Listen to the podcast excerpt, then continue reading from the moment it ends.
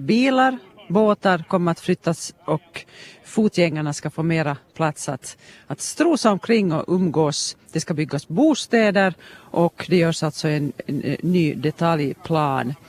2022 så hoppas man på att kunna ordna en bostadsmässa här i Ingo. Det är alltså mycket som ska ske på väldigt kort tid.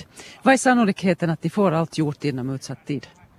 För tillfället så är vi i tidtabellen med tanke på det projekttidtabell som vi hade från, från början. Så nu så ser det helt, helt bra ut men naturligtvis så är här många ännu intressanta moment på vägen som man måste klara av. Mm. Du visar just här på din, du hade, du hade din, din laptop här öppen, här har vi Ingo strandplan, karta. Det som du visar, vi diskuterar just det här, vad, vad är kanske den största förändringen från vad det är idag? Kan du, kan du förklara där? Det här är egentligen ganska många förändringar som det nu, nu finns här med i det här planutkastet som då byggnads och miljönämnden behandlar. Tanken är ju att det ska finnas då mer utrymme då för affärer och olika service här direkt in vid, då vid köpcentret och så blir det sen eh, lite sen längre kanske då uppåt och från eh, Ingo strand köpcentrum där det finns nu så blir det sen mera bostäder och så vidare. Och naturligtvis så kan man inte då låta bli att benämna då det här eh, gröna området med det här promenadstråket som kommer då också att finnas. Att det finns med här i planutkastet och det var ju en sån sak som också många kommuninvånare efterlyste då när vi ordnade den här eh, rundvandringen för eh, dryga månader sedan. 250 människor ska bo på det här området. Hurdana hus är det tänkt att det ska byggas? Det ska nog finnas olika sorters hus. Att I det här planutkastet så finns det då eh, med mindre egna hemshus då, sådana områden, men sen också då område för mindre höghus, det vill säga trivåning och sen då ett loft där, eh, där med. Och eh, tanken är att med det här varierande budet så ska det då finnas intresse för marknaden helt enkelt att få sålt de här husen och, och lägenheterna sen. Men vem är det som ska flytta hit? då? No, vi hoppas ju på äh, nya Ingobor men jag tror att det kommer vara ganska det där, en bred profil egentligen på de som kommer att flytta hit. Att säkert kommer det också fritidsboende men att det har nu kommit in intressenter så också här från Ingo som har sagt att man skulle gärna vilja då köpa en lägenhet här närmare kyrkbyn, nära då servicen men nu har jag också själv personligen fått kommentarer av av då eh, olika bekanta också från huvudstadsregionen som följer med det här projektet och har frågat när ska man då aktivera sig ifall man vill skaffa sig en lägenhet här, i, här vid Ingo strandområde. Men vad har Ingo då som inte Sjunde och Hangö eller Ekenäs har? De här kommunerna har ju också bostadsprojekt på gång. No, jag tror att ena är nog det här havet som vi har här bredvid, bredvid oss, att det är det, som lockar och sen det att vi har en centrum just här invid, in vid havet och naturen och ändå nu närheten till huvudstadsregionen så nu är det de faktorerna som gör det att, tror jag att Ingo kommer fram nog som en pärla här i Västnyland. I detaljplanen så blir det klart att det finns en risk att efterfrågan tryter och att området står halvfärdigt en längre tid. Hur ska ni undvika att det här sker då? Jag tror att eh, vi jobbar ju mycket nog med marknadsföring. Det har fått en hel del synlighet också det här projektet vilket vi är jätteglada för och där är det ju med när vi har då bostadsmässan då med här så vi tror att det kommer att bidra då till det att vi får stöd i marknadsföringsfrågor och får synlighet också på nationell nivå så jag tror att det hjälper mycket, mycket nog här och sen så tror jag att det finns efterfrågan för sådana här eh, byggnader och hus.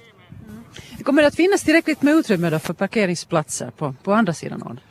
Det är, nog, det är nog tanken att vi har ju samtidigt då på gång en process där vi eh, utarbetar en användningsplan för den här västra sidan då av å, eh, ån och eh, där så är nu i planerna på tjänstemannanivå att man skulle där skissa upp sen då parkeringsplatser mera helt enkelt och här finns ju också annan service här som då rinken och tennisplan som då uh, finns nu här på det här området som skulle då övertas av Ingostrand. så det finns planer på att man skulle då kunna eventuellt flytta det då också dit till den där västra sidan av ån.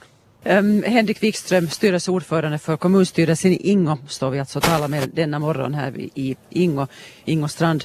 Um, det är ju lermark det handlar om och, och det här området måste höjas för att man ska kunna bygga på det. Hur dyrt kan det här bli?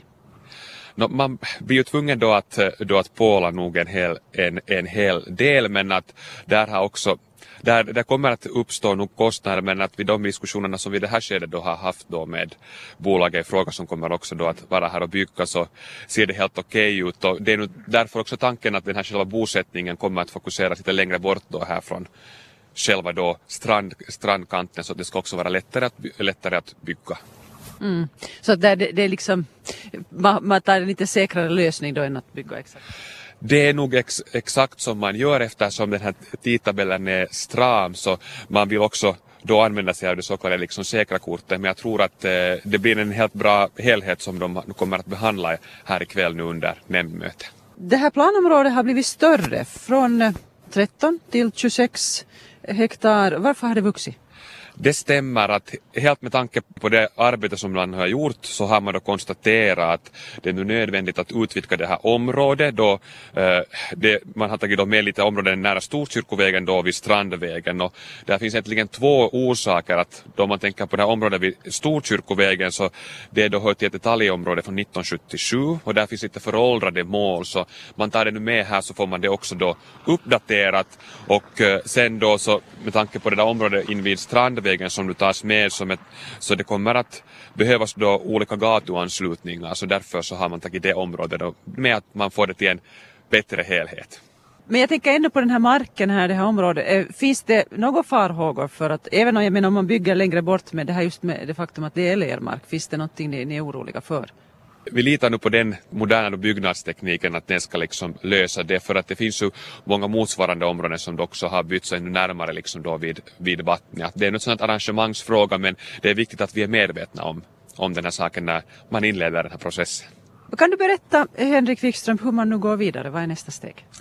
Nå, det, det här planen, utkastet kommer att nu finnas till, till påseende och, och nu får man då ge kommentarer och anmärkningar gällande den. Och så är då idén att det här planförslaget så ska då ges eh, i början av nästa år, är det tänkt i januari, februari. Och målsättningen är den att den här planen ska sen godkännas av fullmäktige då i eh, maj 2019 så tidtabellen är nog stram men att vi tror nog att vi kan lyckas med det.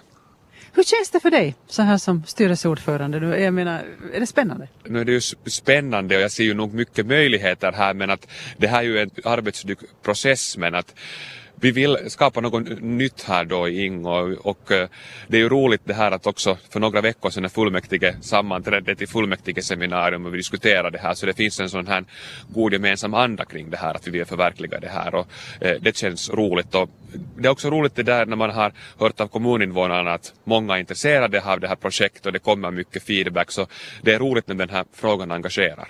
Och Ingo placeras på världskartan. Nästa. Det är nu tanken.